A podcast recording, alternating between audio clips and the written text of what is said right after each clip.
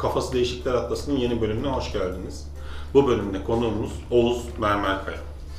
Kendisi Ant Medya'nın, karınca teknolojinin kurucusu, e, yazılımcısı ve yöneticisi.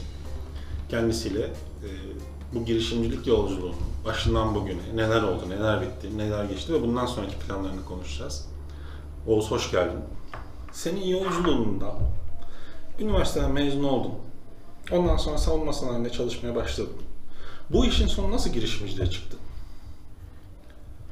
Ya aslında hikaye böyle şey biraz komik bir yerden başlıyor. Bizim şöyle bizim peder esnaf olduğu için böyle ticaretler zaman bir şeylik vardı. Hani ticaret yapma potansiyeli falan vardı.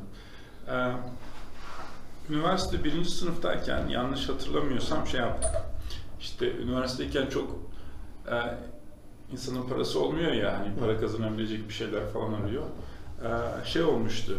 Bir tane arkadaşım bana demişti ki e, işte bayramdan önce bir gün bayramdan bir gün önce bir yer bir pazar kuruluyor memlekette. Gidelim orada satış yapalım. Çok iyi satış yapılıyor. İşte o zaman parasıyla işte 300 TL falan kalıyor demişti. Ee, biz de yo iyi para falan demiştik. Tamam yapalım dedik. Gittik sabah erkenden işte aldık şeyleri. Ee, malzemeleri, kolonya satacağız, çorap satacağız falan filan öyle bir senaryoydu. Ee, akşama kadar bağırdık orada e, o pazar alanında. Ondan sonra günün sonunda 130 TL toplam ciro yaptık. Bunun 100 TL'si sermaye oldu yani malın kendisi. Cebimize Evet. 30 TL kaldı. 30 TL de 3 kişiydik onu da 3'e böldük. Yani tam 30 TL de değildi 9 TL kaldı. Ondan sonra ben şey dedim. Ya biz öyle bir iş yapmalıyız ki dedim. Bu paranın hepsi kar olmalı. Nasıl olabilir, nasıl olabilir falan diye düşündüm. Sonra dedim yazılım olmalı. Yazılım olursa hani beyin gücünü veriyorsun oraya. Onun karşılığında aslında kar marjı falan çok yüksek. Ondan sonra ben yazılıma yöneldim ve üniversitedeyken de böyle hep e, denemelerim oldu. Mesela bir dönem e-yıllık diye bir şey yapmıştım. E, e-yıllıkta şeyler oluyordu. İnsanlar işte birbirleri hakkında yorum yazıyorlardı, fotoğraf paylaşıyorlardı falan. E, böyle şey bir tür sosyal networktü. Bunu ben ne zaman yaptım abi? 2005'te falan yaptım. Bunu ben şeye anlatmıştım. E, İzlesene.com'un e, CEO'sunu anlatmıştım.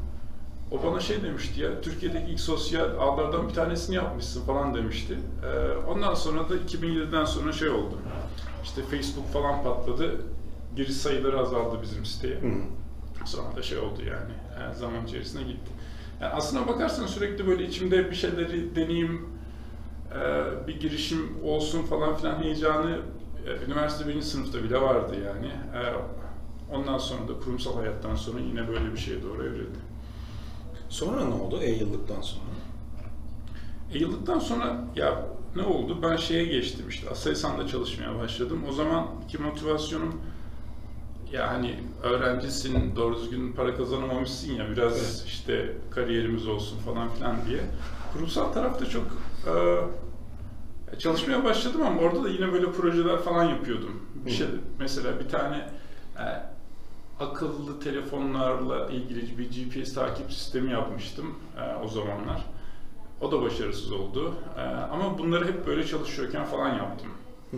E, böyle işte başka bir tane arkadaşla firma kurduk. Firmanın e, da ben yine orada dışarıdan yani Aselsan'da çalışırken orada şey yapıyordum. E, aynı zamanda çalışıyordum. O da başarısız oldu. E, en sonunda dedim ki eğer bu girişimlerden bir tanesi başarılı olacaksa eğer benim bu Aselsan'dan falan kurtulmam yani kurtulmak değil de kurumsal hayatta sürekli maaşlı çalışmaktan kurtulmak gerekiyor. Evet. Deyip işte bu serüvene başladık o zaman da. Ee, ondan O sonrası tam buradan yani kurumsal dünyadan çıkmam gereken gere- gerekiyor dediğin zaman o tabii bir denge işi yani. Çünkü orada güzel bir maaş var, bir Ha, evet. garanti var, işte ufukta görünen bir emeklilik var. Ama öbür tarafta o an aslında hiçbir şey yok. Sadece bir umutla ayrılıyorsun. O e, nasıl diyeyim? O hesaplaşmayı, o kırılmayı e, sen nasıl kendi serüveninde yaşadın? Ya orada şey oldu. Şimdi benim böyle o süreçlerde sürekli içim içim yiyor.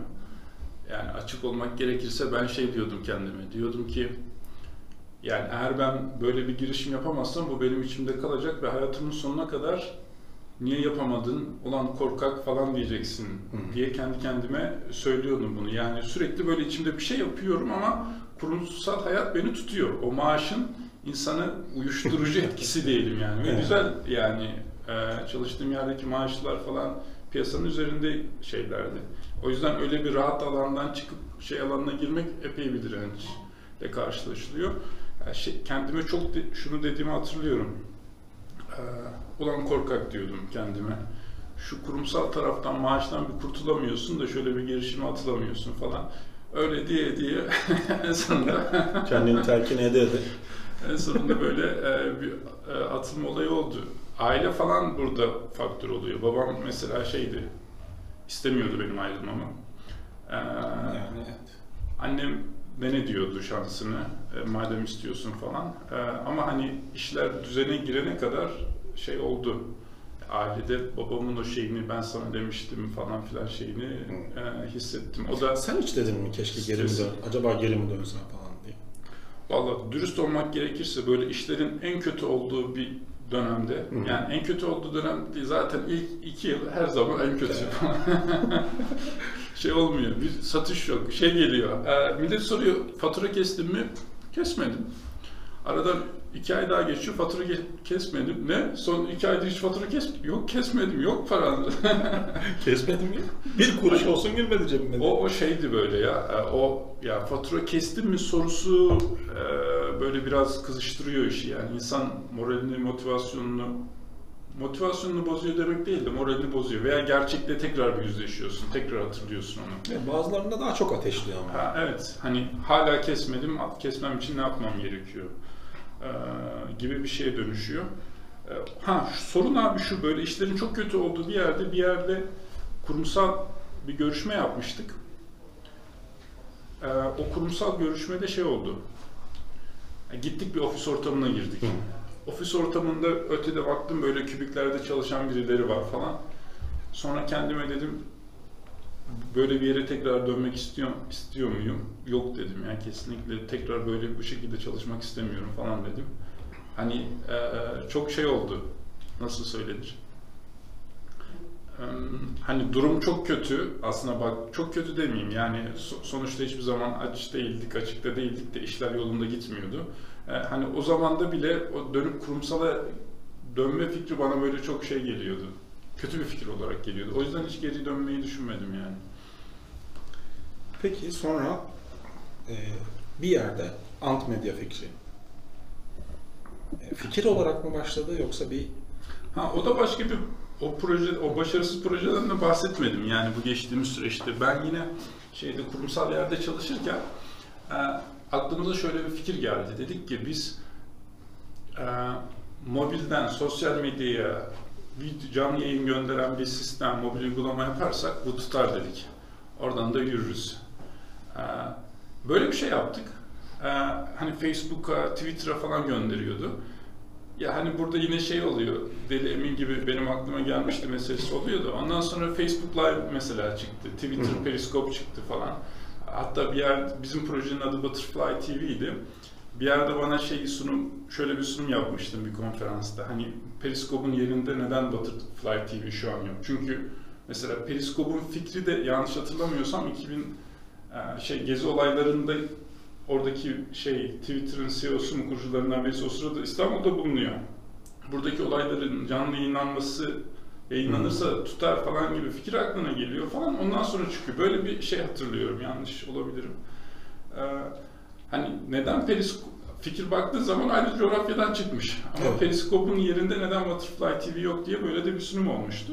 Neyse e, o Butterfly dediğimiz sosyal medyaya o bir farklı bir konu. 30 dakikalık bir şey. Konuşuruz onunla Tamam. yine. Ee, bu arada Periskop şey oldu yani şu an Twitter onu e, uçurdu direkt. Evet. Or- oradaki projede Butterfly TV'de bizim biz şeyi gördük abi. Ya bu iş video işinin büyüyeceğini zaten herkes görüyor. Ee, ama video işinin arka tarafını yapmak çok zor. Ve bunu ölçekleyemiyorsun arka Evet. tarafını. Ya bir de ya her şey çok hızlanıyor ve latency'ler abi yani canlı yayınlardaki gecikme yani baktığın zaman işte 3 saniye falan duruyor. O zamanki RTMP teknolojisiyle. RTMP'nin öleceğini de zaten söylüyorlar. Web partisi geliyor. Ee, web partisi işte web tarayıcıları tarafından e, izlenen şey, gönderilen video formatı diyelim. Ee, hani bu gelecek, biz arka tarafını çözersek bu işin, bunu bir sürü yere satabiliriz dedik. Hani bizim gibi girişimcilere satarız, e, kurumsal firmalara satarız, dünyaya satarız. Hani şöyle bir şey var, e, şu şeyde Amerika'da hani San Francisco'da altın arama olayı var ya, Evet. Oraya giderken en çok para kazanan kişiler orada işte kürek, Kürek satan. kürek satanlar falan oluyor. Evet. Şimdi şöyle düşündük. Vid ya o zaman bu hikayeyi ben bilmiyordum o kürek satma hikayesini de. O zaman şöyle düşünmüştük.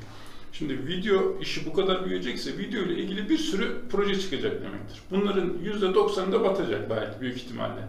Ama başarılı olmak isteyen firmalar bunun arka planını yatırım yapacaklar ve bizden bizden ve bizim gibilerden ürün satın alacaklar. O yüzden biz buraya girersek her türlü ayakta kalırız. Yani bu işi yapabilirsek. Hı hı.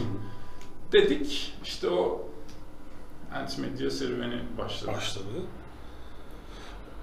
Ant Medya sizin aynı zamanda TÜBİTAK desteğiyle bir Ee, yani o zamanki adı yani Türkçe adı Karınca Teknoloji. hı. 1512 desteğiyle oldu. Yani bu işe başlama sebebimiz 1512'dir. Yani TÜBİTAK'ın oradaki o şeyi vermeseydi muhtemelen ben de ayrılmazdım yani. Bir can suyu gibi bir şey oldu, sebep oldu yani. tetikleyen şeylerden bir tanesi de evet, oldu. evet. Ee, Ant Medya kuruldu. Siz e, dört kişiyle başladınız. Yani açık olmak gerekirse e, o zaman iki kişiydik. E, diğer arkadaş şey dedi, girmeyelim dedi bu işe. E, tamam alabiliyor muyuz? Alabiliyoruz, bunu öğrendik dedi. Bırakalım kurumsal hayat güzel, maaş güzel falan filan dedi. Ben de şey dedim yani e, ben şimdi bu işe girmezsem bir daha da girmem dedim yani. Bu benim için şey. Çünkü ilerledikçe zaman risk alma potansiyelin azalıyor. Daha çok kurumsala bağlanıyorsun. Evet, Şartlar bu kadar olgunlaşmışken buradan destek var, işte bizi bağlayan kredi borcum yok, şu borcum yok falan filan. Şimdi girdim girdim, bundan sonra girmezsem bir daha sittin sene girmem yani diye düşündüm. Ee, ben gireceğim dedim, sen gelmiyorsan da. Ee, tamam dedi, ben gelmiyorum dedi. Ama dedi ben bu projeye destek olacağım dedi. Biz de tamam dedik. Yani şirket benim üzerime kuruldu. Riskler benim üzerimdeydi o zaman. O da e, şey dedik, bu süreçte en azından maaşımız onunla beraber aynı olsun. Bizim üzerimizdeki şey, e, hani zaten kurumsal bir yerden böyle bir yere geçince maaş birden diye düşüyor. E, o düşüş biraz daha az olsun diye o bana destek oldu bir yıl boyunca. Hı. E, böyle iki kişi başladık aslında. Ben full time'dım. O işte yarı zamanlıydı Yarı zamanlı. gibi devam Şey, ne kadar sürdü Runway? Abi şöyle oldu. Ee, Şimdi ben ilk bir sunum ya- yatırımcılara bir sunum yaptım. Ee, O zaman Top'taki kuluçka merkezindeydik. Şey yaptılar. Ee, Duygu Hanım. ee, Şimdi şeyde San Francisco'da bir venture capital kurdu mu ortaklığı öyle bir şey var yani. Ee, Şimdi ona sunduğumu ilk hatırlıyorum.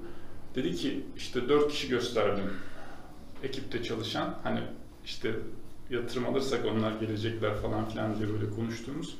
Dedi ki bunlardan full zaman, tam, e, tam zamanlı dedi. Ve ben tam zamanlıyım dedim. Diğerleri niye tam zamanlı değil dedi. Ee, dedim ki işte yatırım aldığımız zaman tam zamanlı olacaklar. Ya döndü bana şey dedi, tamam dedi sen işte e, Aselsan'dan ayrılmışsın, böyle bir Don Quixote'luk yapmışsın. Hani takdir ediyorum bunu da. Kurucuların inanmadığı bir projeye yatırımcı girmez dedi. Biz değil dedi, hiç kimse girmez dedi. Senin bir kurucu ekip bulman lazım bu işe dedi. Ee, ondan sonra beni gönderdi oradan. Buldun mu? Ondan sonra bir şey oldu ya, o süreçler çok karışık ya. Hani gelen oldu, giden oldu eee, falan ama şöyle bir şeye dönüştü. O süreçte bir ekip oluşturmak için hani maaş zaten azalıyor ya, eee, diğer arkadaşla işte maaşımız aynı olsun demiştik falan. Baktım böyle tek başına olmayacak bu şey. Bizim bu burada biraz daha sağlam gitmemiz gerekiyor. Ekibe 3 kişi daha aldık toplamda o süreç içerisinde. Ondan sonra maaşı da böldük. Ee, hani baktığın zaman tam maaş iyice düdüğe döndü. Yani e, Evet. direkt cepten yemeye başlama moduna falan geçtik. Yani o süreçte şey e, hani TÜBİTAK desteği böyle bitmeye yaklaşırken e, şey oldu. Dedik ki yani bizim artık bu işten para kazanmamız gerekiyor. Yoksa ayakta kalamayacağız. O yüzden mesela geliştirmedeki odağın e, hani yüzde kırkını falan filan satış pazarlama faaliyetlerine falan çevirdik. Yani önceden belki yüzde 10-15 falan yapıyorduk. Çünkü çok teknik bir ürün. Bu teknik ürünü geliştirme biraz şey ya Tabii. Zor, zor ya zaman alan bir şey. Ee, o şeyden sonra e, o yönelimi değiştirdikten sonra böyle yavaş yavaş olaylar falan değişmeye başladı yani. Ee, şey ne? Yani ilk faturayı kesmeniz ne kadar sürdü sizin? Vallahi abi ilk faturayı kesmemiz, ilk faturayı kesiyor olmak çok bir şey değil ya. Şimdi biz iki, bir yıl, birinci yılın sonunda ilk faturayı kestik. Ama hala zarardasınız tabii. Tabii tabii. Zaten yüksek bir rakam değil. Hatta ben hatırlıyorum. Hani annemle falan konuşuyoruz. Annem şey diyor. Ya oğlum diyor bir yıldır çalışıyorsun yani kese kese bu kadarlık bir fatura mı kestin falan diyor yani.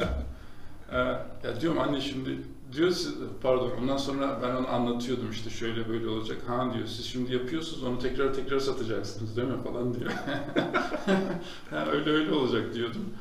Abi ilk fatura yani e, 19 bin liraydı. Ee, o da şey olsun, Hacettepe Üniversitesi'ne bu faturayı kesmiştik. Oradaki bir şey, kamera, şey pardon, Hacettepe TV altyapısı ile ilgili bir çalışma yapmıştık. Oraya kesilmişti. Ondan sonra bizim bir sonraki faturayı kesmemiz yani 6 ay falan sürdü büyük ihtimalle. Belki daha fazla. O e, satışın başladığı ama zararın sürdüğü dönem daha şey geliyor bana hep. Daha e, girişimci açısından tehlikeli geliyor. Yani evet bir şey yapmışsın, bir yatırım yapmışsın sonra satış da hani bir validasyon da var, doğrulanmış ürün ama hala şirketin cebine giren bir şey de yok. Hala da cepten yiyorsun. E, oradan çıkışta şey ne, yol ne izlediğiniz? Ya abi valla dürüst olmak gerekirse ya ben epey bir süre şey düşündüm. Ya biz bunu hiç satamayacağız diye düşündüm ya. Ee, ciddi diyorum yani bu iş olmayacak diye düşündüm ama bir şekilde de hani devam ediyorsun yapmaya. Bu esnada yatırım Çalışmaya. Yok. almadınız. Yok ha, yatırım almadık.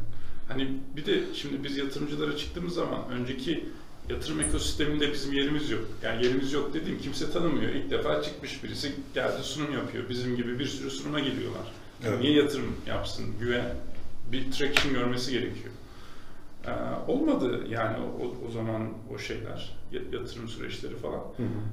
O mesela burada şey Kaan'la falan da arada konuşuyoruz ya yani onun da böyle çalışıyor bir şeyler yapmaya çalışıyor falan. O mesela benden daha umutlu. Ben ondan daha umutsuzdum. Yani bu iş olmayacak, hiçbir zaman satamayacağız bunu falan diye.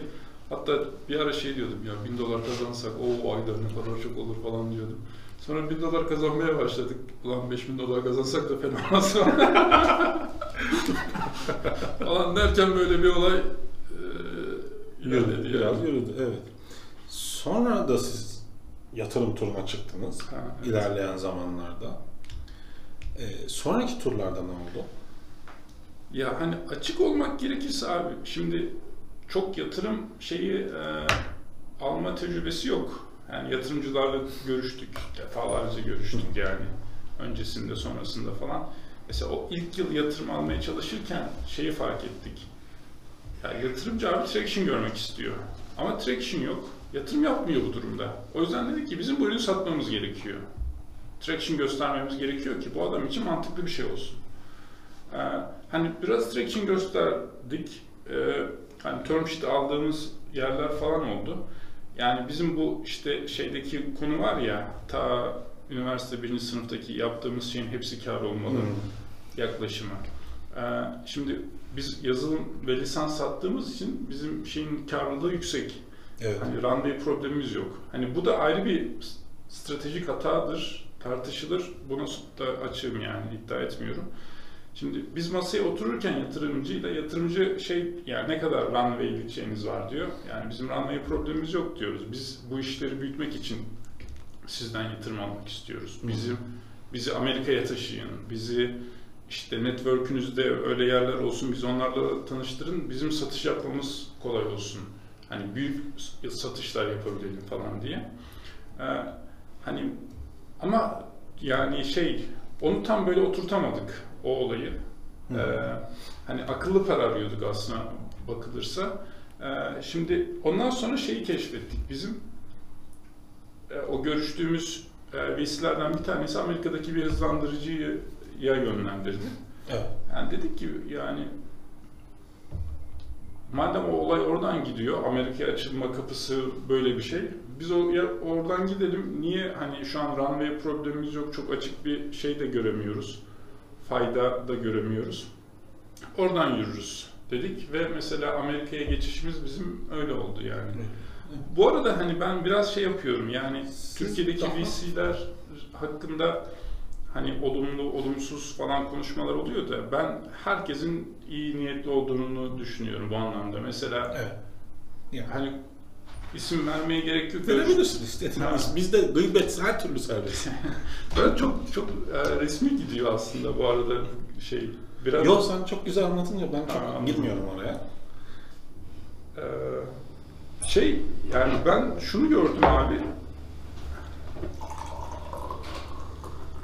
VC'ler falan çok şey ya. Ee, hani herkes iyi niyetli, masaya iyi niyetli şey oluyor. Ama insandaki bu bazen hani korku anlarında başka refleksler ortaya çıkabiliyor ya. Hani bu girişimci tarafında da var, yatırımcı tarafında da oluyor. Hani bir yerde tehdit gördüğün zaman sen mesela stres altındayken davranışların farklıdır. Şeydeyken davranışların e, böyle Evet. rahatken davranışların farklı. Bir yerde cesur davranırsın, bir yerde daha korumacı davranırsın falan gibi. Ya hani o pazarlık masası da ben şeyi şunu dediğimi hatırlıyorum. Ya o kadar kötü case'leri konuşuyoruz ki işte Oğuz ölürse ne olacak tamam mı? Oğuz'un parmakları kırılırsa ne olacak falan. hani yazamayacak artık Pipetle falan. yazacağım benim mi? Allah. Ya dedim içim şişti benim yani bunu bunları konuşmaktan. En azından şey yapalım dedim ya. Hani bu işi nasıl büyüteceğiz artık bunları konuşmaya başlayalım. Hep hep kötü case'leri konuşuyoruz. Hani o, o kadar kötü case'i konuşmak gerekiyor mu bilmiyorum. Orada benim içimi şişirmişti. Mesela o term sheet'in sonunda yani karşılıklı olarak şey yapmadık, anlaşmadık yani. Biz de gönülsüzdük, karşı taraf da gönülsüzdü, gönülsüzleşti. Her, her iki taraf da gönülsüzleşti yani. Siz hem yurt içinde hem yurt dışında VC'lerle görüştünüz. Ha evet. Farkı nasıl değerlendiriyorsun?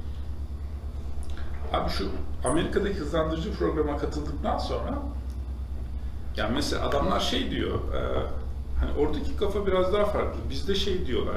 Ben, ben zaten şirketi kurmuşum. Niye VC'den yani şirket dönüyor kendi yağında diye. Ben niye bir daha VC'den para alayım falan diyor. Halbuki olay o değil. Hani VC'den VC sana niye yatırım yapıyor? Senin daha çok büyümen için yatırım yapıyor. Çünkü o da ondan kazanacak. Mesele kendi yağında kavrulan bir firma oluşturmak değil. Mesele büyüyen ve hani ekosistem mi denir, dünyaya bir etkisi olan büyük bir şey yap, yapıyor olmak. Ee, Evet. ya Amerika'daki adamlarda abi mesela şey var. e, adam oradaki bakış açısı farklı. Diyor ki runway'inizde problem yoksa almayın diyor yatırım. Niye alıyorsunuz ki diyor. Hatta diyor içerideki kalan paranız 9 aydan az yetecekse o zaman başlayın diyor. Yani şey bu şey turuna, yatırım turuna. Ee, oradaki olay abi aslına bakarsan çok daha cesur geliyor bana bu buraya göre. Yani biz burada şey mesela karlılık üzerine çok fazla konuşuyoruz. Hani ya düşünsene mesela Zoom'u yani Zoom şu anki finansallarını bilmiyorum da Zoom'un amacı karlılık değil. Zoom'un amacı büyüme. Şimdi Zoom'la bu anlamda fiyat rekabeti Türkiye'deki herhangi bir firma yapamaz. E tabii. Ölçekten yapılmaz en Ha, hem ölçekten yapamaz bir de adam mesela kağıdı koyuyor abi. Diyor ki Zoom bunu buradan yapıyorsa biz bunu nasıl yapacağız da buradan para kazanacağız? Ya Zoom'un olayı para kazanmak değil ki zaten. Hani Zoom'un olayı işi büyütmek. Ondan sonra onu büyük daha büyük bir yere satmak. Ee, şeyde e, oradaki kafa bu. Diyor yani aslında baktığınız zaman startup sürekli zarar zarar ed- yani cash burn sürekli para yakıyor. E, ama diğer taraftan sürekli büyüyen bir şey mekanizma olması gerekiyor. Bizdeki algı, bendeki algı tam o kadar e, o kadar net değildi. Biraz daha hani korumacı yapı, işte karlı olsun. e, En azından zarar etmesin. zarar etmesin falan filan gibi şey vardı. Oradaki adamlar abi çok daha cesur ve şey diyor ya. Runway probleminiz yoksa almayın diyor yatırım. Niye alıyorsunuz ki diyor. Ama kafanızın şey olması lazım. Büyüme kafasında olması lazım. Yani ben bu işi 10 katına, 100 katına nasıl çıkartabilirim? Lineer düşünüldüğünde mesela bir şeyi birden ikiye çıkarmak için kaynakları iki katına arttırırsın. İşte satış elemanı iki tane alırsın, development alırsın falan. Ama bunu 100 katına çıkarmak için kaynakları 100 katına çıkarmazsın. Senin orada farklı bir yöntem bulman gerekiyor ki bu iş 100 katına çıkabilsin. Ee, Benim gördüğüm hani o şeydeki hızlandırıcı programdaki konuşmalardan, eğitimlerden falan adamlar hani startupların hep bu kafada olduğunu düşünüyorlar ve bu kafada olduğunu varsayıyorlar. Ee, o- O şekilde devam ediyor o tarafta ve abi şey var, Türkiye yani burası bizim memleketimiz, vatanımız ayrı bir konu. Hani Amerika'daki paralarla Türkiye'deki paralar falan çok fark ediyor Tabii. ya. Hani ölçekler falan birden değişiyor. Hani bizim için çok büyük para, adam için para değil falan. Hani ha, orada o zaman sıfırlar önceden hani milyon, milyar falan o ka- tanımları böyle sadece duyuyorduk. Şimdi onlar biraz böyle bir anlam kazanmaya başlayınca Aa, adamlar ne kadar zenginmiş falan oluyor. Veya biz ne kadar da fakirmişiz ya. küçük geliyor değil mi bu sefer? Aa, aynen öyle. Biri şey demişti, Türkiye'deki VC'ler daha dernek gibi çalışıyorlar demişti. Yani mesela yatırım yapmasa seninle iletişimi sürdürüyor, işte seni birilerine göndermeye çalışıyor bir şekilde. Yani onlar da farkında bu ölçek farkının ve onu hani bir taraftan da onu e, kapatmaya çalışıyor gibiler. Ama ticaret tarafına gelince de hani o kadar da büyük e, olamayacaklarının farkında oldukları için daha korumacılar gibi bir yorum Aa, olabilir. Biz abi şeyde bu Amerika'daki hızlandırıcı programda böyle danışmanlar falan var haliyle. Onlarla konuşurken şey demişti bir tanesi. Ben size Türkiye'deki bir VC'den yatırım almayın demiyorum dedi. Sizi bir sonraki turda da direkt size yatırım yapabilecek bir VC ile direkt tanıştırabilecek birisinden yatırım alın. Ee, veya şu an sizin aldığınız yatırım aldığınız VC bir sonraki turda da size yatırım yapabilsin. Hani bakın dedi Türkiye'deki VC'ler Amerikan ölçeğinde baktığınız zaman bir sonraki tura geçtiğiniz zaman size yatırım yapabilecek ölçekteler mi yoksa direkt şeye mi e, yani oyun dışına mı geçiyorlar diye bir bakın demişti. Yani Ne gördünüz bakınca? ya hani gördük kadarıyla abi hani Türkiye'dekiler erken aşama yatırım. Ya erken aşama dediğim şey yani seri A Türkiye'deki seri Türkiye'deki seri A ile Amerika'daki seri A da epey fark, fark ediyor. Evet. Ee, hani Türkiye'deki şeylerin Amerika'ya zaten kıyaslarsan abi yani kıyas Amerika olunca Türkiye gelişmekte olan bir ülke. Ee, Ya tabii canım. haliyle bütçeler, fonlar falan. Yani network olarak mesela sizi işte bir seed yatırım alsanız seri A'ya taşıyabilecek e, profil konusunda ne gördünüz? Ya bizim case'imiz için şimdi bu firmadan projeden Yok projeye ben değişir. sizin hikayenizdeki soruyorum. Ya bizim hikaye abi bizim ürün çok teknik bir üründü. Hı hı. Ve hani mesela biz bunları e, VC'lere anlatırken zorlanıyoruz. Çünkü biz developerlara satıyoruz bu ürünü. Yani teknoloji firmalarına satıyoruz. Evet. Adam alıyor bunun üzerinde yeni bir video sistemi geliştiriyor. Bunun üzerine bir video sistemi geliştiriyor. Şimdi bunun algılanması biraz zor. Açık olayım ben ilk bu video işlerine girdiğim zaman hani o zaman yine 5-6 yıllık mühendistim. Yani şey diyordum, lan bu data buradan nasıl akıyor ya falan diyordum yani. Ee, ama bu streaming nasıl bir şey falan yani sürekli mi data akıyor oradan falan algılayamıyordum. Şimdi düşününce sen aslında ben aslında o zaman o kadar şeyin içerisinden gelmişim işte datalar şunlar bunların içerisinden gelmişim onu algılayamıyorum. Bu durumda şeyi anlat hiç teknik olmayan birisine bunun ne olduğunu anlatmaya dönüşüyor olay. Anlatmak zorlaşıyor. Ve abi Türkiye'de hani developerlara ürün geliştiren firma sayısı da çok yok hani Evet. genellikle son kullanıcı bizim olayımız. Ee, o perspektiften bakınca böyle yani onlar da biraz şaşırdılar ve benim gördüğüm kadarıyla bizim bir sonraki aşamada böyle büyük bir satış yapabileceğimiz bir yerle tanıştırma ihtimalleri yoktu. Çok. Veya çok düşüktü diyelim yani. Siz benim gördüğüm yatırım odaklı olmaktan çok satış odaklı yani müşteriyi memnun etme odaklı startuplardan birisiniz. Hatta bu konuda en müşteri memnuniyeti odaklı firmalardan birisiniz startuplar içinde. Hatta yani gelen e, sanki gelen müşteriye böyle bak bizimkini alma komşuya git diyecek kadar da rahat bir Yok o kadar da işte. ya biz, bizim şeyde Yani şunu anlatmak istiyorum aslında. Bizim derdimiz bir girişimci olarak yatırım almak değil aslında. O bir araç.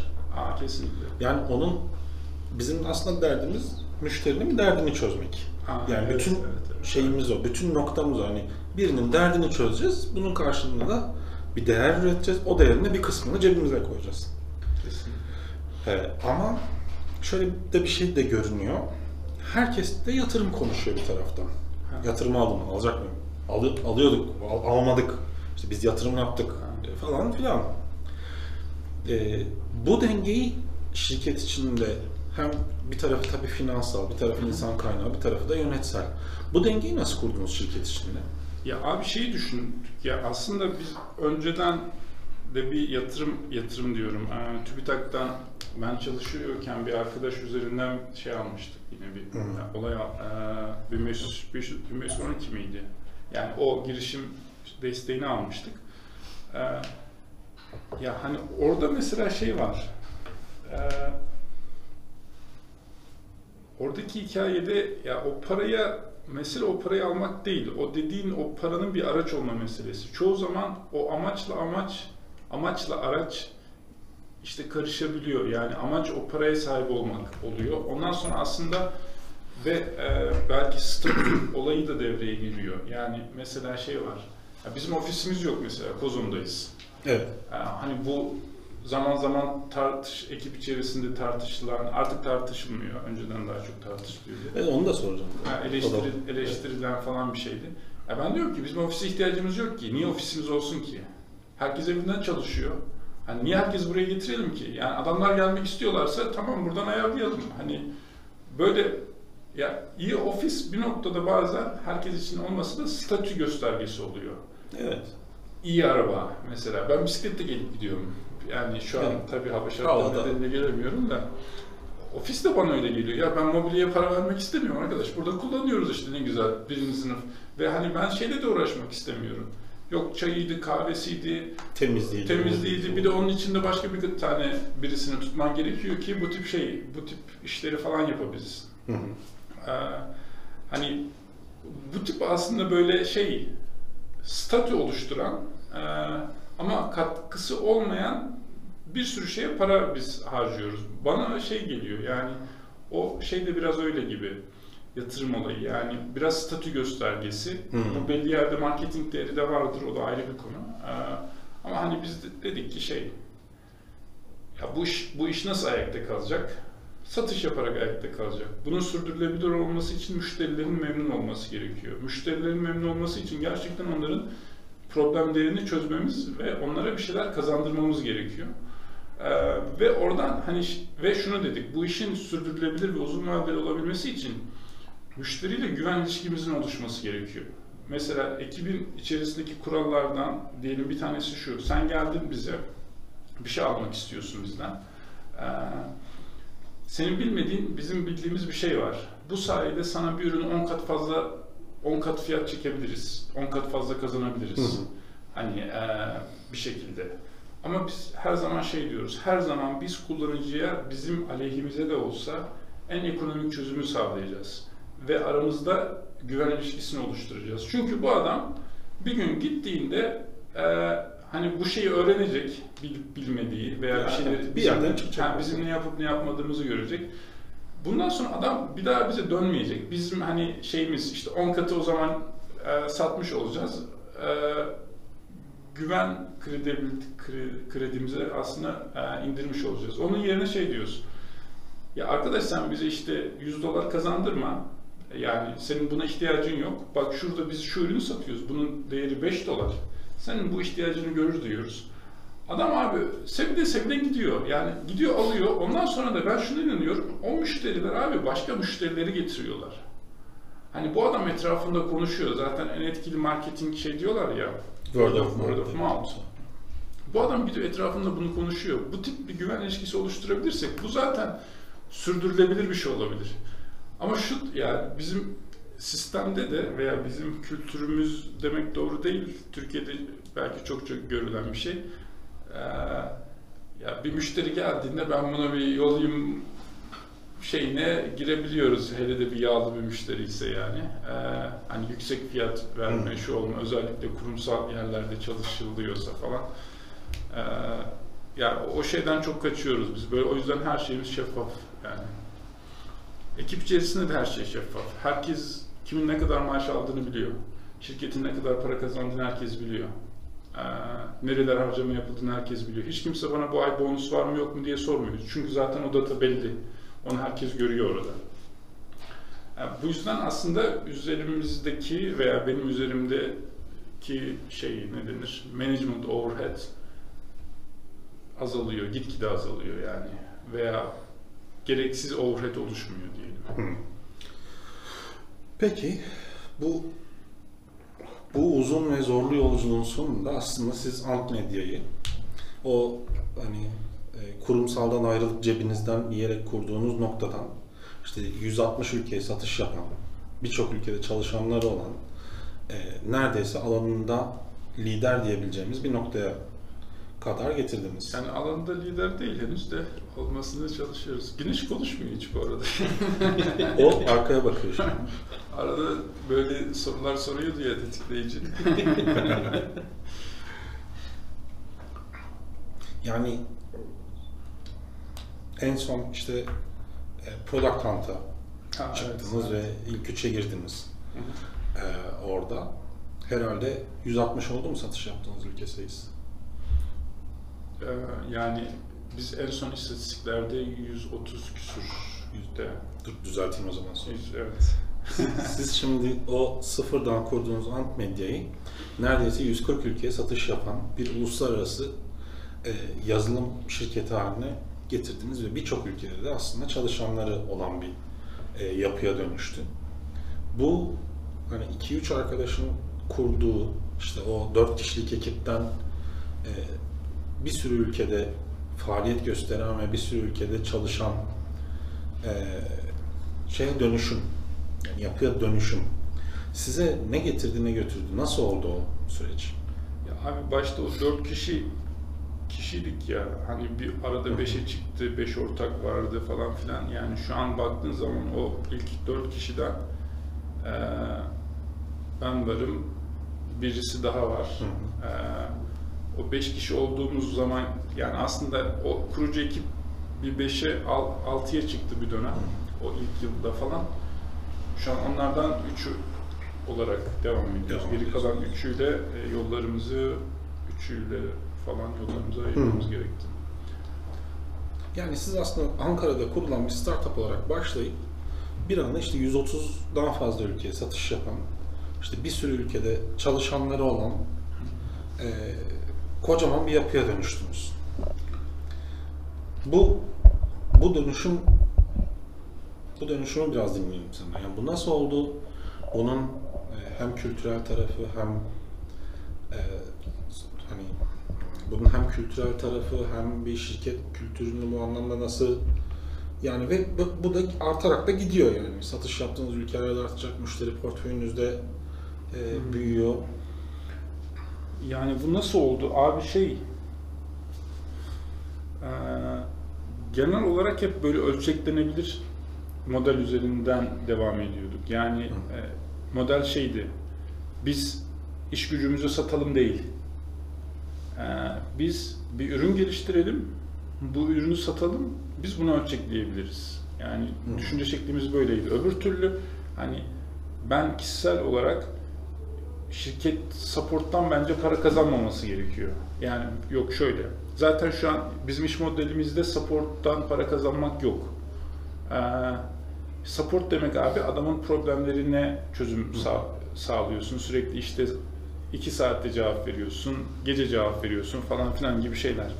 Hani burada support'tan para kazanıyor olmak, development'tan para kazanıyor olmak bence ölçeklenebilir bir iş modeli değil. Hani ürün satarak ölçeklenebilir veya servis satarak ölçekleyebilirsin ve bu insana bağlı olmaması gerekiyor Hmm, bence. Hani bizdeki olay biz abi aslında bir yazılım yaptık. Biz aynı yazılımın lisansını yani lisans sattıkça bizden azalan bir şey değil bu. Biz satıyoruz Evet. e, adamlara. Hani böyle olunca başka ülkelerde birisi geliyor şak diye alıyor senin. Hani subscription tabanlı bir şey alıyor kullanmaya başlayabiliyor. Bu adama hani dokümantasyon oluşturuyorsun, yazıyorsun. Sana az support ticket'ları açıyor. Yani bu Hı. arada bizim support ekibi var. Müşterilerden gelen sorular için. Tabii. Ama iş modelinin içerisinde support yok. Hani biz support'tan para kazanıyoruz demiyoruz. Biz support'tan para kazandığımız da oluyor da bunu sadece ya o müşteriyi kazanabilmek için bizim istemeden kazandığımız bir şey oluyor. Hani adam adam diyor ki ben yani sizle sık iletişim kurmam gerekiyor.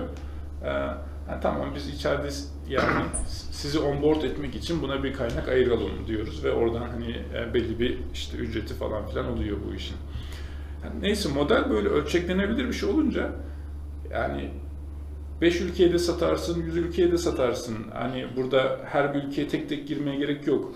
Bir de bizim olay şey olduğu için yani bizim hedef kitle developerlar, yazılım geliştiren firmalar e, ve kişiler.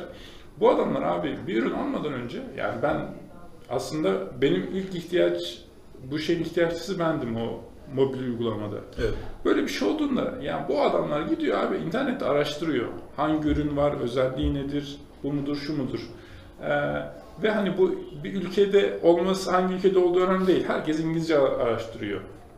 Hani özellikle Almanca bence Almanca bir şey yazmaya çok da gerek yok diye düşünüyorum. Hani bunun iyi şeyini yaparsan Search Engine Optimization tarafından şurasını burasını falan filan insanlar geliyor yani senin ürününe bakıyorlar, alıyorlar.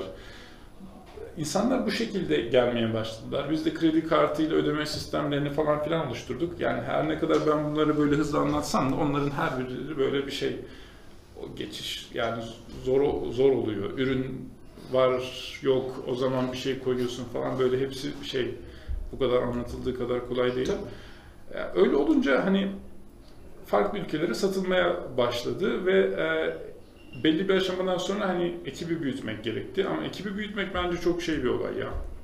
Veya ben beceremiyorum onu yeteri kadar. Şu an gerçi bizim ekip 16-17 kişi falan.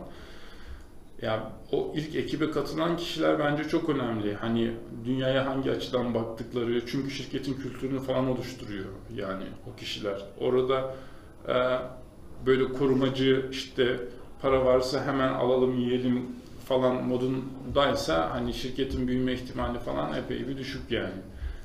Hani katma değer oluşturma şeyinde olması, kafasında falan olması gerekiyor bir noktada. Ee, o, o süreçlerde ben böyle çok şey davrandım ya nasıl söylenir? Ya, ekibe yeni birisini alırken falan yani iyi test ediyoruz. Ee, hani testleri geçiyor mu, düşünce şekli uyuyor mu? Geçen bir arkadaş ekibe dahil oldu. Mesela adamın şey vardı.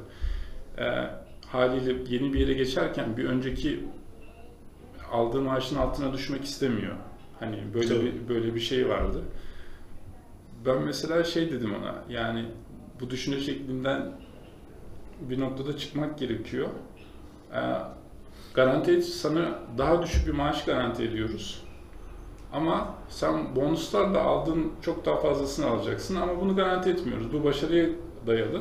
Ve burada da muhtemelen önceki firmalarda yaşamadığın başka şeyler yaşayacaksın. İşte şeffaf yaklaşım, birbirine destek olma, şu bu falan filan bunları konuştuk. Ee, Sonra kabul etti mesela o şeyi, e, iş teklifimizi.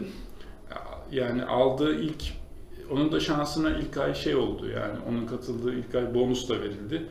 Hani istediği paranın hani 2-3 katını falan aldı büyük ihtimalle. Ama garantisi yok. Ya orada garanti yaklaşımdan çıkıp abi yani şeyin böyle riskli bir tarafa doğru biraz girmek, biraz heyecanlı bir tarafa, challenge'lık bir tarafa doğru girmek gerekiyor. Yani o zihin, o bakış açısındaki o değişikliği sağlamamız lazım. Yani ona falan çok dikkat ettim, etmeye çalıştım. Kendimde de ekipte de değiştirmem gereken, ekip içerisinde değişmesi gereken, kendim içinde de değiştirmem gereken şeyler var. Ee, o süreç yani böyle şey 16-17 kişiye çıkmak sancılı oldu. Ama büyüdükçe anladığım kadarıyla, gördüğüm kadarıyla büyümek daha da kolaylaşıyor. Hani o ilk taşları yerine Evet. oturtmak, e, oradaki o kültürü oluşturmak ilk 10 kişiyle falan aslında o orası böyle çok zor. Şey bir yaklaşımdır ya demin söyledim ya. Ha, müşteri gelmiş abi sen müşteriyi 10 kat daha fazla satabilirsin. Şimdi burada ne yapacaksın? Hani ekip içerisinde konuşuyoruz. Bu adama bunu mu yapalım, bunu mu yapalım bilmiyor falan. Ya orada hani o para tatlı bir şey sonuçta. Tabii. Hani e, adama yok arkadaş bizim bu şeyimiz budur. Kimseye kazık atmak yok yani. Herkese en e, optimum çözümü verme yaklaşımı. Bu insanı belli bir va- bazen üzüyor ama uzun vadede kazandırıyor yani. Peki bundan sonra nereye gidecek Ant Medya? Vallahi abi bizim olay yani ben şöyle özetliyorum. Bizim ilişkimiz win-win kazan kazan olması gerekiyor. Ama herkes için. Yani bu kazan kazan ilişkisinde ekiptekiler kazanmalı, ekosistemdekiler kazanmalı, top, komünitedeki insanlar kazanmalı, partnerler kazanmalı ve hani böyle kazan kazan sistemi etrafında bir dünya kurmamız gerekiyor ve herkese kazandırmamız gerekiyor. Hani şey vardır. Kazan kazanın adı güzel de bazen abi kazan kazan şu oldu. Kendin kazanman gerektiğini düşündüğün miktardan daha azını kazanmaya kabul ediyorsun ve karşıdakine kazandırıyorsun. Evet. Hani şey kritik bence kendinin kazandığını hak ettiğini düşündüğünden daha az kazanmayı kabul edip karşı tarafa kazandırmak. Hani orada bir şey oluyor. Farklı bir kafaya geçiyor insan. Bunun etrafında böyle bir şey düşünüyoruz. Ee, Şu an yapmaya başladık onu. Bir ekosistem. Herkesin kazandığı. Hatta şey bile dedik yani bir ara. Komünistedeki elemanlara hani nasıl para kazandırabiliriz bunu düşünelim. Acaba direkt para mı versek falan yani. Ee, veya öyle bir sistem kuralım ki bunlar da bir şeyler yaptıklarında buradan para kazansınlar. Bu ihtimal bazı yerlerde bizi daha az kazandıracak ama uzun vadede şey kazandıracak. Ekosistemi güçlü bir şirket, yani etrafında bir sürü komünitesi olan, bir sürü kişinin bunun üzerinde konuşulduğu bir şirketin e, piyasada yani rakip birisi çıktığı zaman eli çok daha güçlü oluyor. Hani rakiplerine karşı daha güç güçlenebiliyor, daha bir anlam ifade ediyor. Ee, şey anlamında nasıl söylenir? Ticari anlamda böyle bir şeye doğru geçiyoruz. İşte partner herkese kazandıralım yaklaşımı. Community'ye daha çok önem verelim. Teknik tarafta da hani şey kısmı bu Web 3.0'la e, başlayan işte distributed, decentralized yapılar falan. Acaba orada bir decentralized yapı oluşturabilir miyiz bizim sunucu üzerinden falan gibi böyle bir düşüncemiz var. Ona böyle temel olarak yapmaya başladık. Ee, onu falan bir deneyeceğiz. Asıl büyük hayalimiz de aslında şey, Antmedia değil. Yani büyük hayalimiz bizim volumetrik video yapmak. Hı hı. Ee, ilk biz bu işe başlarken şey yap düşündük. Yani biz adının volumetrik video olduğunu bilmiyoruz o zaman. Ee, ya bir üç boyutlu video yaparsak çok tutar bu falan diye böyle baş, başladık. Ee, bu volumetrik videoda bana da versin. Ha, gerçi varmış.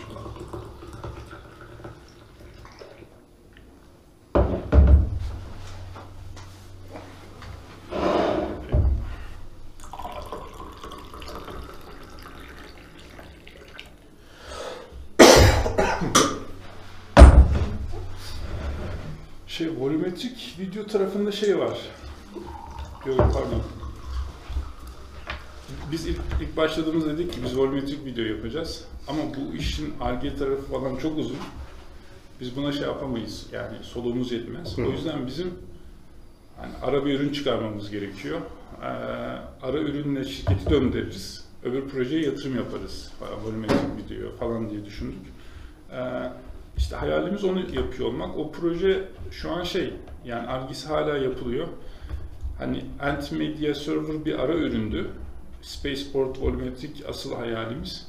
Hani onu yapmak için uğraşıyoruz. Belki başarılı olacak olmayacak bilmiyorum. Orada da bir şeye girdim ben yani.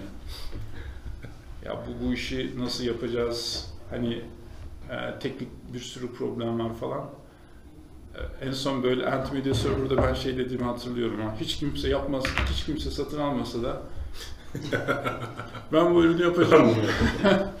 Ve bu ürün e, işte near real time streaming yapacak falan. Hiç kimse de almasa da ben buraya kadar şey yapacağım. Ondan sonra bırakırım falan. Kendim stream şey yapmıştım. kendim izleyeceğim. Ha yani evet. Oradan açacağım, buradan izleyeceğim. Vo- Volumetrik videoda da şu an mesela öyle bir şeydeyim yani hiç kimse kullanmasa da olmasa da ben hiç olmazsa bunun bu çalıştığını göreceğim falan gibi bir moda girdim. Biz abi şey yapıyorduk bu şeylerden girişimcilikten önce konferans organizasyonları falan yapıyorduk böyle. Ee, güzel organizasyonlarda mesela şeydi Android geliştirici günleri, e, Android Developer Days. Ee, mesela hatırlıyorum o üçüncüsünde şeydi böyle sıfırdan başladığımız adını bizim koyduğumuz böyle bir şeydi. 2000'in üstünde insan katılmıştı. ODTÜ KKM'de yapıyorduk. Ee, şey böyle Sony'nin falan sponsor olduğu böyle bir etkinliğe dönüşmüştü. Abi o yıl o parayı harcamak için şey yani her şeyi harcıyoruz tamam? Herkese yemek yediriyoruz, şunu yapıyoruz, bunu yapıyoruz falan. Parayı bitiremedik yani. Bir sonraki yıla falan kalmıştı o sponsorluk şeyleri. Orada da mesela ilk başlangıçta olay şuydu. Biz bunu yapacağız. Ama hiç kimse gelmese de biz gideceğiz, konuşacağız orada. Ee, ekiptekilerden katılanlar kim olursa dinlerler falan diye başladığımız bir şeydi o. Bu şekilde burada da o düşünce şekli devam ediyor yani. Ne zaman planlıyorsunuz Spaceport'u? Abi e, En azından beta. Şu an erken MVP aşamasında böyle demo gösterdiğimiz bir şeyler var ama teknik problemler orada biraz fazla. Ee, açık olmak gerekirse şu an biraz yolumuzu değiştirdik. Ee, yani ürünü çıkarma konusunda biraz daha ticari, ne kadar erken ticarileşebilirsek o kadar iyi. Bununla ilgili e, hedefimiz Haziran ayında temel anlamda satılabilir bir şey ortaya çıkarmak. Kayıtlı videolarda, canlı olmayacak ilk aşamada farklı teknik falan kullanıyoruz. Bu arada MVP bu Spaceport projesi Avrupa Komisyonu'ndan iki kere şey aldı. Mükemmeliyet mührü, Seal of Excellence. Ee, sonra ama fonlanmadı. Zaten Seal of Excellence şey değil mi ya? Projeniz çok güzel ama para yok. Ha evet evet aynen öyle. çok güzel proje ama. Ee, şey oldu. TÜBİTAK baba sağ olsun iki kere Seal of Excellence alanları ben fonlayacağım dedi. Ee, onun peşinde koştuk belli bir süre. O sözleşmeyi imzaladık. Ee, o proje haz, gelecek ay başlıyor. Yani bütçe şey planında, proje takviminde falan başlıyor. Bu yüzden Spaceport projesi bu önümüzdeki yıl daha da hızlanacak. Hı hı. Ee, daha çok oraya kaynak e, ayıracağız. Ay, diyor, daha çok kaynak hani TÜBİTAK sağ olsun veriyor. Ee, oradan şeye dönüştür yani ürünü daha erken çıkarmaya çalışacağız. Ee, seni yakalamışken dikkatimi çeken bir şey de sana sormak istiyorum. Oğuz şimdi e, tıpkı bu yatırım sohbetinde olduğu gibi bizim girişimcilik çevresinde konuşulanlara baktığın zaman sürekli şöyle bir şey görüyorsun. İşte yatırımı zaten konuştuk. Yatırım alalım, destek alalım, vergiden kaçmaya çalışalım, teknokent teşviği alalım.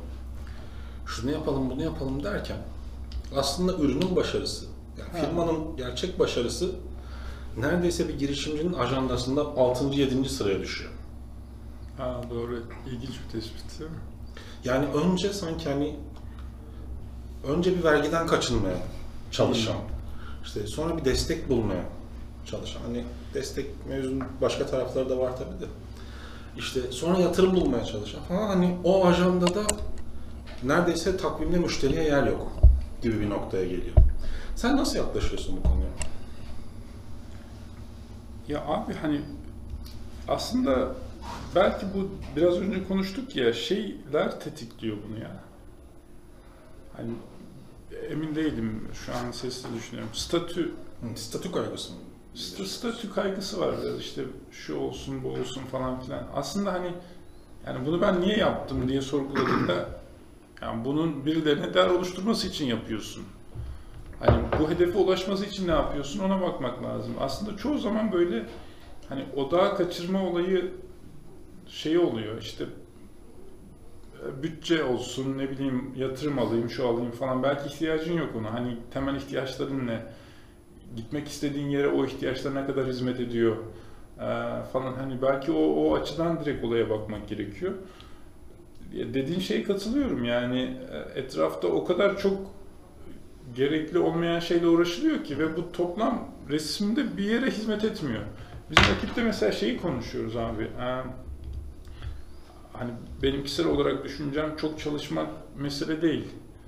Herkes çok çalışabilir yani ama sonuç üretmek mesele. Evet. Ee, yaptığımız işlerin sonucunda ne çıkıyor ve bu bu şirkete yani şirket özelinde düşünürsek ne katıyor? Ya deli gibi çalışılıyor ama o çalışmanın hiçbir yere ya hiç, bu abartı bir örnek hiçbir yere bir faydası yok. Veya çok az faydası var. Onun yerine mesela ölçeklemeye yatırım yapmak. Yani çalıştığın, yaptığın şey senin şirketin e, hedeflerine ulaşmasına ne kadar hizmet ediyor?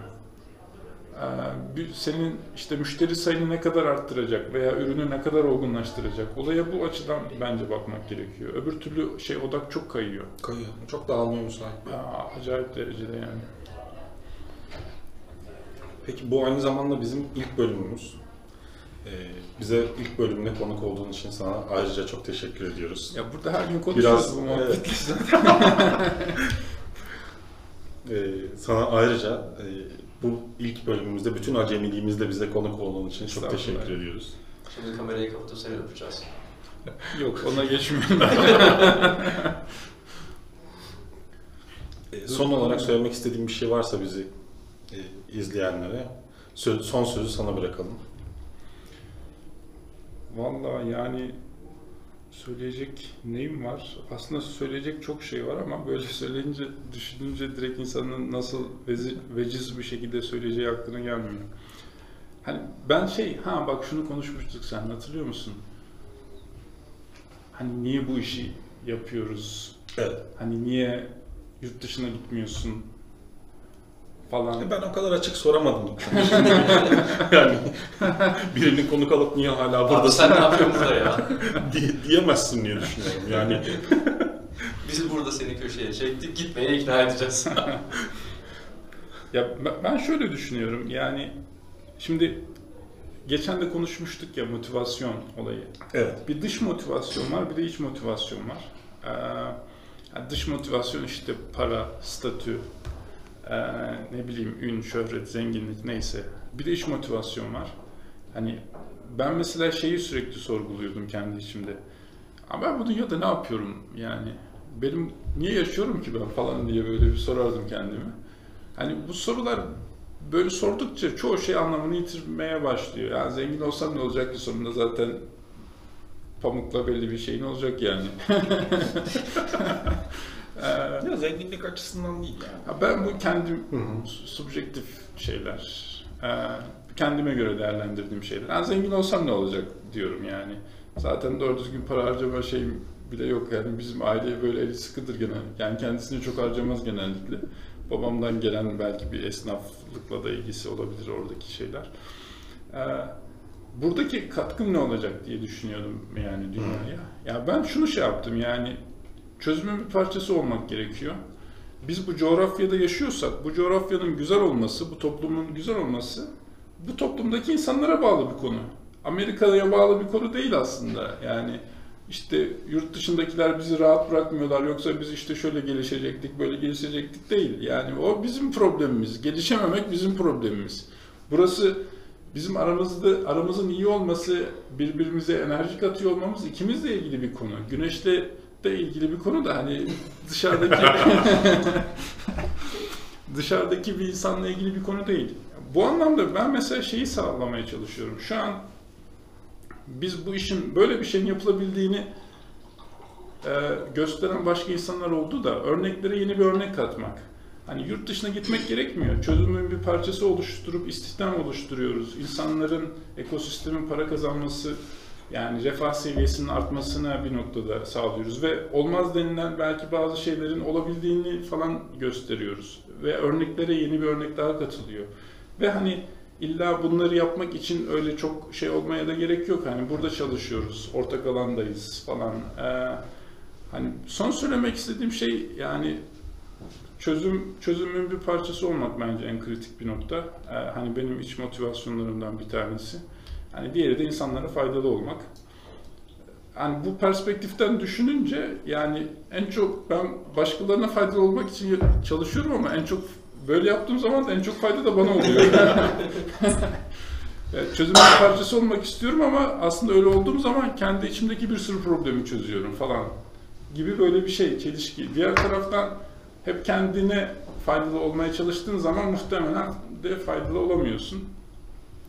Ben şeyi söylerim ya, hani iç motivasyonumuzu bulalım. Dış motivasyonlarımızı tanımlamamız çok kolay. İç motivasyonumuz ne bu? Dünyada neye hizmet ediyoruz? Anlamımız ne falan diye düşünmekte fayda Peki olduğunu şöyle bir odağın olmadı mı hiç? Ben şirketi bir yere getireyim, exit yapayım, hayatımın geri kalanı boyunca partileyeyim. Ya ek- son aşama hariç hepsi onlar var takvimde. Yani şey düşünüyorum bir gün kesin exit etmemiz yani kesin demeyeyim de exit etmeliyiz. Ee, şu anda da konuştuğumuz bir yer var. Güzel bir teklif verirse yapalım diye düşünüyorum. Burada seni tutan tek şey partilemek istememen mi? Yok yeteri değerleme yani değerlemeyi iyi düşünüyoruz aslında orada. Ya buradaki şey tamamen duygusal. Anladım, anladım. Ee, hani doğru zaman mı bunu yapıyor olmak için? Ee, belki bir yıl sonra mı exit etmemiz gerekiyor, şimdi mi exit Ama etmemiz parti yok. Parti yok. İşte şey diyorum yani exit edersek işte yatırım yaparız falan filan diye düşünüyorum. Yani çözümün parçası bu anlamda o, o taraftan olurum diye düşünüyorum kendime göre. Onu da bir araç olarak, Evet, bir kaldıraç evet, evet, olarak evet. başka bir şey kullanırım. Yoksa hani o başta sen söylemiştin ya. Saint-Tropez'de yat alacağım, Ha, evet. yatımda yazdığıma çarpacağım ve hiç üzülmeyeceğim. Ha, yani Gibi. Gibi değil pek. Böylelikle son sözü de söylemiş olduk Evet, diye düşünüyorum. Olduk. Ben bir, Ben teşekkür ederim. Yani biz teşekkür ederiz. böyle bir fırsat oluşturduğunuz için en azından muhabbet etmiş olduk. Biz teşekkür Ee, ederiz. Ne zaman e, bir de şu konuyu konuşmak istiyorum dersen, burası sana her zaman açık. süper. E, her zaman vermek istediğim bir mesaj, arkasından konuşmak istediğim bir yapmak istediğim bir gıybet ya da önermek istediğim bir şey olduğu zaman e, her zaman bekliyoruz mutlaka.